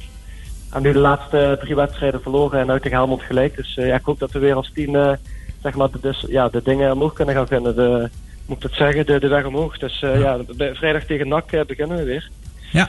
En dan, eh, ja, dat is weer een, eh, weer een wedstrijd op zich. En eh, dan kunnen we weer gewoon drie punten halen thuis. Dus ik heb er zin in. Want hoe kijken jullie nu echt wedstrijd voor wedstrijd? Of durven jullie met elkaar wel een bepaald doel uit te spreken wat je na het einde van het seizoen toe wilt halen? En dat is een doel, ja, natuurlijk wil je voor de prijzen meedoen, play-offs. Ja. Alleen als ik eerlijk moet zijn, is dat realistisch? Dat, zeg, ja, dat weet ik niet. Maar nee, op dit moment kijken we gewoon van wedstrijd tot wedstrijd. En we willen zoveel zoveel mogelijk punten halen, dus simpel is het. Ja, als laatste- oh, ja, sorry. de zien we wel. Ja. Ja. als laatste Jori, ja, deze eh, vrijdag spelen jullie weer in de Geuselt. Maar ja, helaas eh, natuurlijk eh, nog een hele tijd zonder publiek. Hoe als voetballer, eh, en Ja. zeker eh, speler van MVV, hoe is dat? Ja, dat klopt. Ja. Zonder publiek, eh, ja, ik vind het eigenlijk helemaal niks, eerlijk gezegd. Ehm, ja, het publiek hoort er gewoon bij eh, met, met voetbal. Dus eh, ja, ik hoop eigenlijk zo snel mogelijk dat het publiek terug mag komen. Maar ik denk dat we nog wel even in, die, eh, in deze periode blijven zitten met die corona. Dus dat is op zich wel een aparte tijd, moet ik Ja. zeggen. Eh, zonder publiek, ook, eh, ook met uitwedstrijden. Maar ja, daar heeft de tegenstander ook last van. Dus eh, ja, op dit moment zeg ik eerlijk dat ik het wel eh, een beetje gewend ben. Maar ja, als, iedere voetballer wil natuurlijk het publiek bij, bij een voetbalwedstrijd. Ja, en, en dat is in de Geusel ook niet anders. Dus ja, vrijdag klopt weer zonder publiek tegen NAC. Dus het zal een lastige wedstrijd worden. NAC is een goede ploeg, maar eh, ja, we gaan gewoon voor die drie punten. Ja, want je hoort natuurlijk dat een thuisvoordeel eigenlijk veel minder aan de orde is op het moment, hè? Ja, dat klopt. Ja. Normaal aan het publiek kan je dat wel, eh, kan je dat wel zeggen. Ja, maar nu, eh, ja, nu zonder publiek, dat is toch eigenlijk 50-50 de hele tijd. Dus eh ja, het thuisvoordeel, dat, daar heb je eigenlijk niks van. Ja. Nou, gelukkig kunnen we op Fox Sports vrijdag weer kijken. Kunnen we van thuis uit jullie toch weer, toch weer aanmoedigen. Ja. en dan eh, word jij ongetwijfeld weer aangekondigd bij Fox Sports als de man die alleen maar mooie doelpunten maakt. Dat is al een eh, titel die je daar verdiend hebt. Ik heb er al een paar keer voorbij eh, horen komen. Ja, dat klopt. Ja, ja klopt. Goede start. Dus eh, ja. ik moet die lijn wel door zien te trekken. Dus dat is leuk dat ze dat zeggen ook. Ja, nou, dat is goed, goed om die naam te hebben. Jori, dankjewel voor je tijd. Hey, veel succes komende vrijdag. En we spreken elkaar wellicht later weer in het seizoen. Oké, is goed. Dankjewel. met de uitzending. Thanks. Hoi hoi.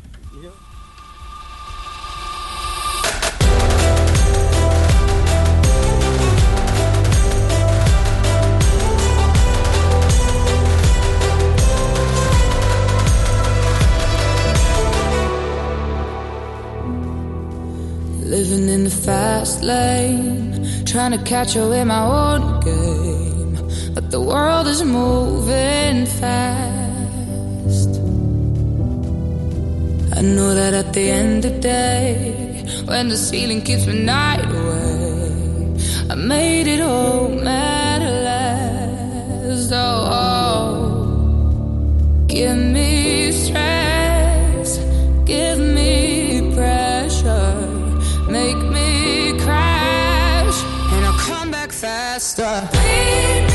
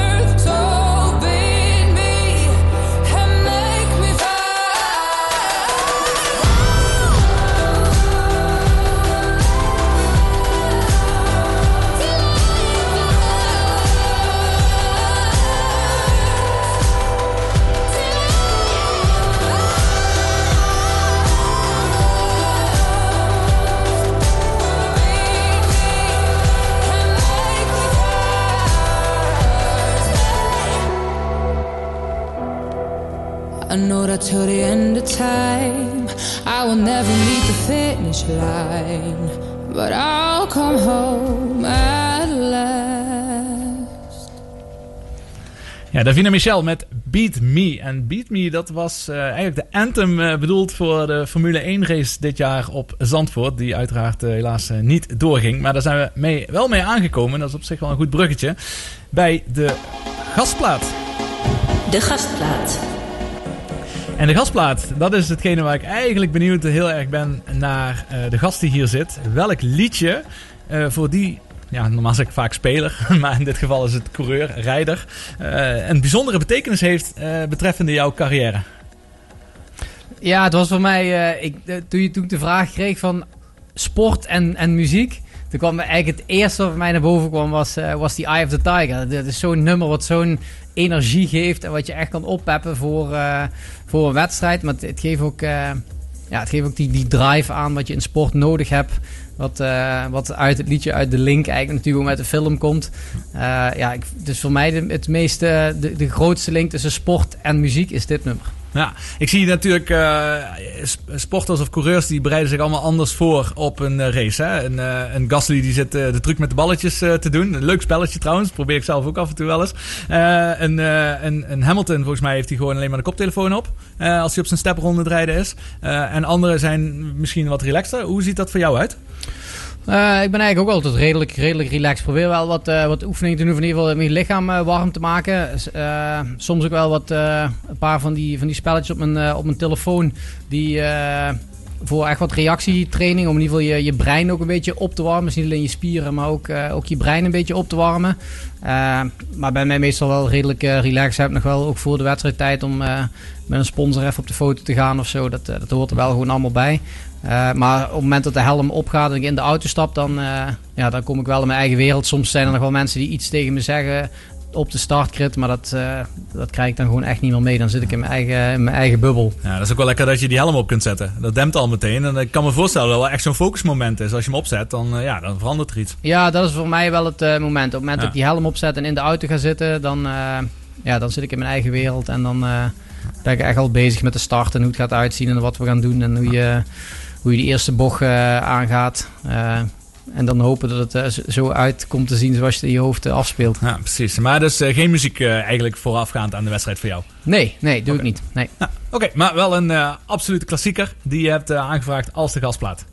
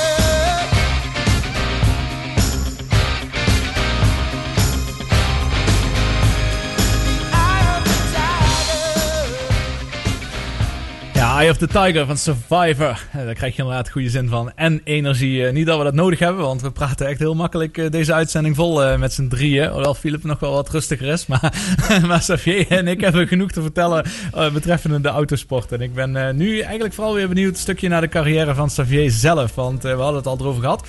eh, dat je op een gegeven moment toch wel ambities had om naar Formule 1 eh, eh, door te stoten. door diverse redenen. Nou, is de, die weg gewoon heel moeilijk. En eigenlijk ben je daarna wat meer toch in de, ja, in de Gran maar vooral in de endurance rallies terechtgekomen. Ja, inderdaad. eh, we hebben in 2007, toen ik World Series bij Renault reed, eh, ja, toen had je echt zicht. Toen hebben we gekeken van nou, waar, welke kant kan ik op om, om echt een eh, professionele carrière op internationaal gebied te, ja, door, te, door te zetten. En toen, toen kwamen eigenlijk de GT's wel naar boven. Op dat moment was eh, FIA GT een beetje het sterkste kampioenschap. Dus daar zijn we in 2008 heb ik daar mijn eerste, mijn eerste races gereden, mijn debuut gemaakt samen met, eh, met SRT, een, eh, een Belgisch team die wat een, eh, de Corvette die in Le Mans ha- had weten te winnen in, in de 24 uur hadden, hadden overgenomen en die en die auto gingen inzetten in het FIA GT-kampioenschap. Dus eh, samen met echt een, een klein familieteam kwamen we in het grote FIA GT, waar, eh, waar we meteen eh, de tweede wedstrijd in Monza wisten, wisten te winnen.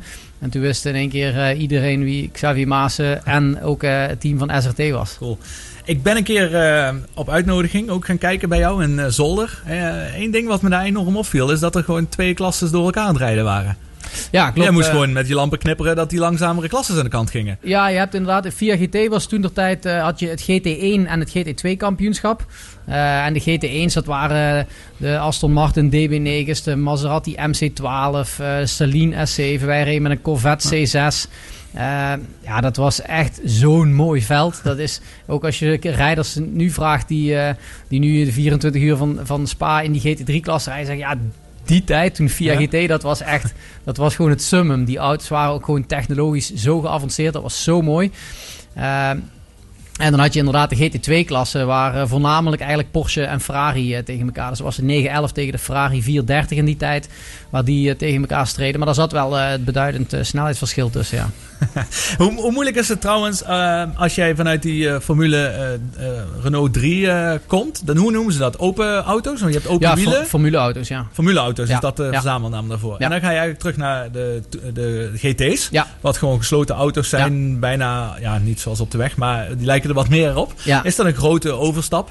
Ja, het was wel, het was wel even een, een overstap. Maar wat ik al eerder, eerder in de uitzending ook zei, formuleauto's is wel een beetje de universitaire opleiding. Als je in een formuleauto hard kan gaan en vooraan mee kan rijden en overwinningen kan pakken, dan kun je in feite bijna in alle auto's wel hard gaan. Als jij met een... eh, met een, in een tourwagen, dus eh, pak een, een Seat Leon of een Volkswagen Golf in, in een internationaal kampioenschap. Pak bijvoorbeeld Tom Coronel die het tourwagen wereldkampioenschap rijdt. Als je daarvoor aanrijdt, wilde niet zeggen dat je met een GT of een formuleauto kan winnen. Dus eh, ik had wel gewoon een hele goede opleiding achter de rug. En heel veel geleerd al in die, in die jaren. Eh, en ook veel kilometers gemaakt. Dus die overstap ging vrij, vrij makkelijk. En dat kwam ook bij dat ik een heel ervaren teamgenoot het eerste jaar had. Christophe Bouchu. eh, iemand die eh, Le Mans... eh Nürburgring, Spa en, en ik geloof eh, Daytona alle 24 uur wedstrijden heeft weten winnen in het verleden. Eh, dus daar had ik wel een hele goede leermeester in meteen dat eerste jaar. Dus daar heb ik meteen heel veel van kunnen, kunnen leren. Dus dat ging, eh, dat ging vrij snel. Was eh, ja, een fantastisch jaar, eh, dat debuut in, in de VIA GT. Nou, je hebt meer dan 20 endurance races gereden, waarvan eh, vier keer de 24 uur van Le Mans. Ja. Wat is zo mooi aan die 24 uur races? Ja, het is, het is vooral, die, vooral in de nacht, de, de, de voorbereiding met een heel team voor die ene wedstrijd. Zeker als je Le Mans pakt, weet je, dat is één keer per jaar. Dat start en dan na 24 uur moet je gewoon weer een jaar gaan wachten voordat die wedstrijd weer terugkomt. Eh, en vooral het rijden in de nacht is wel iets heel speciaals.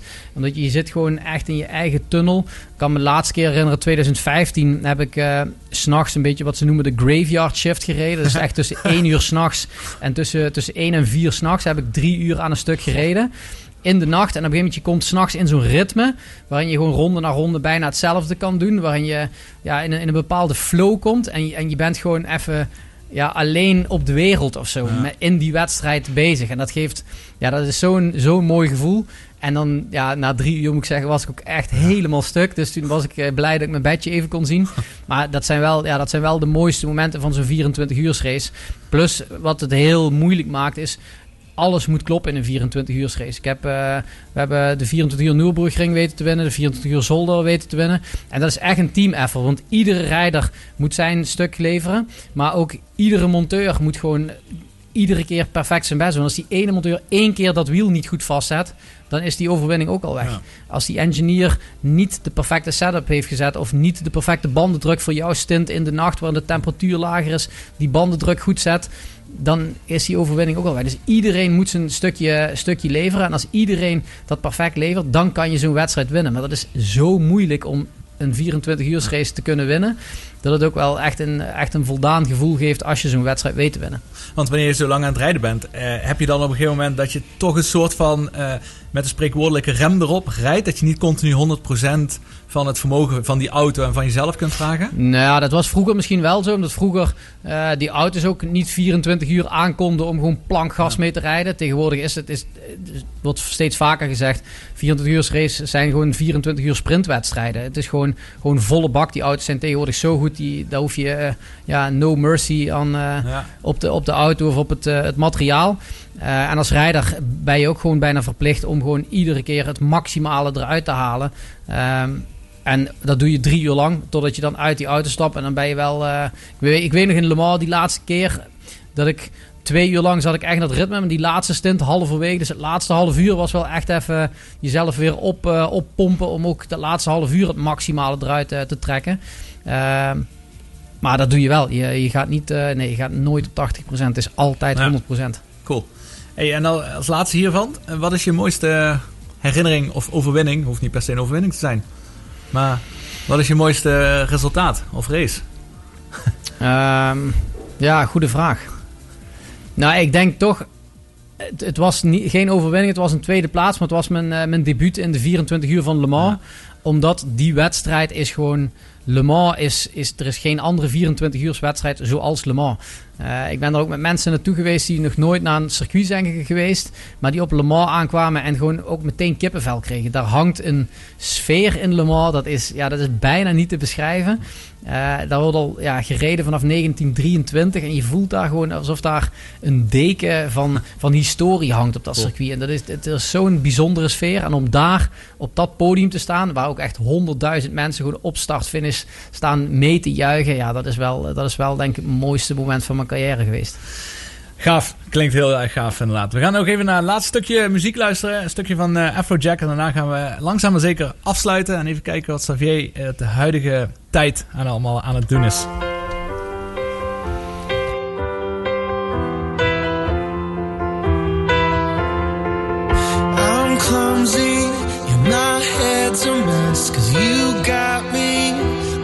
all the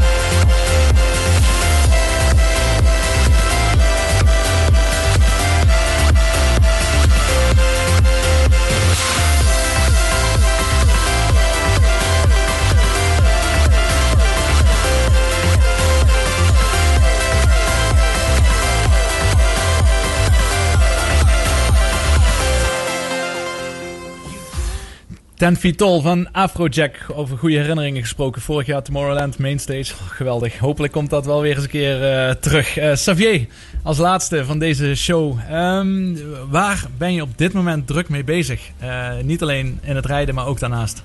Ja, rijden is dit jaar heel weinig geweest. Niks, zeg maar. Ik was me aan het voorbereiden voor dit weekend de 24 uur van, van Zolder te doen. Dat zou eigenlijk de enige wedstrijd zijn die we dit jaar zouden gaan doen.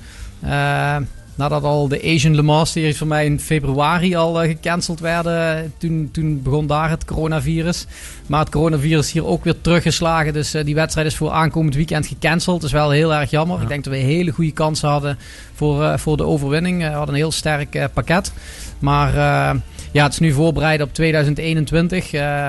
Eh, we hebben dit jaar ook heel creatief moeten zijn met onze, met onze Sparks Business Club, waar we evenementen hebben moeten schuiven. We hebben heel veel rallies gehad die we verschoven hebben naar nieuwe datums. We hebben gelukkig in de zomerperiode wel wat, eh, wat mooie rallies eh, kunnen doen. Eentje ook voor het goede doel. De Rally de Gravenrode, waar we 10.000 euro voor eh, onder andere Make-A-Wish hebben opgehaald.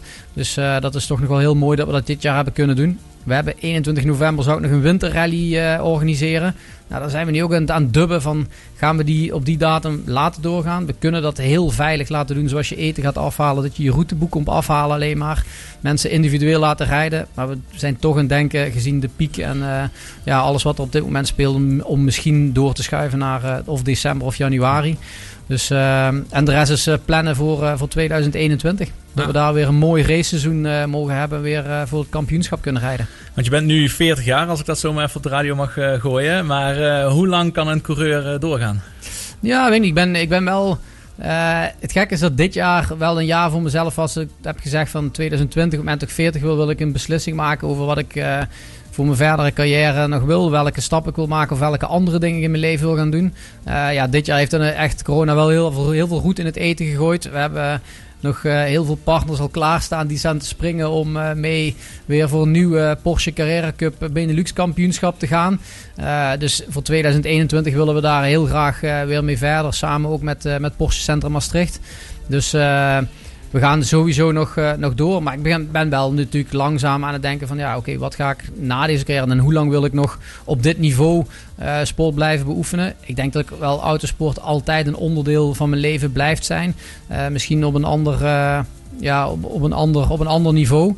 Maar ja, er zit nog gewoon genoeg vuur in me om nog gewoon te strijden voor, voor kampioenschappen. Perfect, eh, Xavier. Echt hartstikke bedankt voor deze tijd die je ons hebt gegeven. Het was heel fijn om met je te spreken. Ik hoop dat je het leuk hebt gevonden. Ja, superleuk. Heel leuk. ja, mooi zo. Dankjewel dat ik hier mocht zijn. Ja, graag gedaan. Eh, en we zien jullie volgende week. Horen jullie ons weer terug.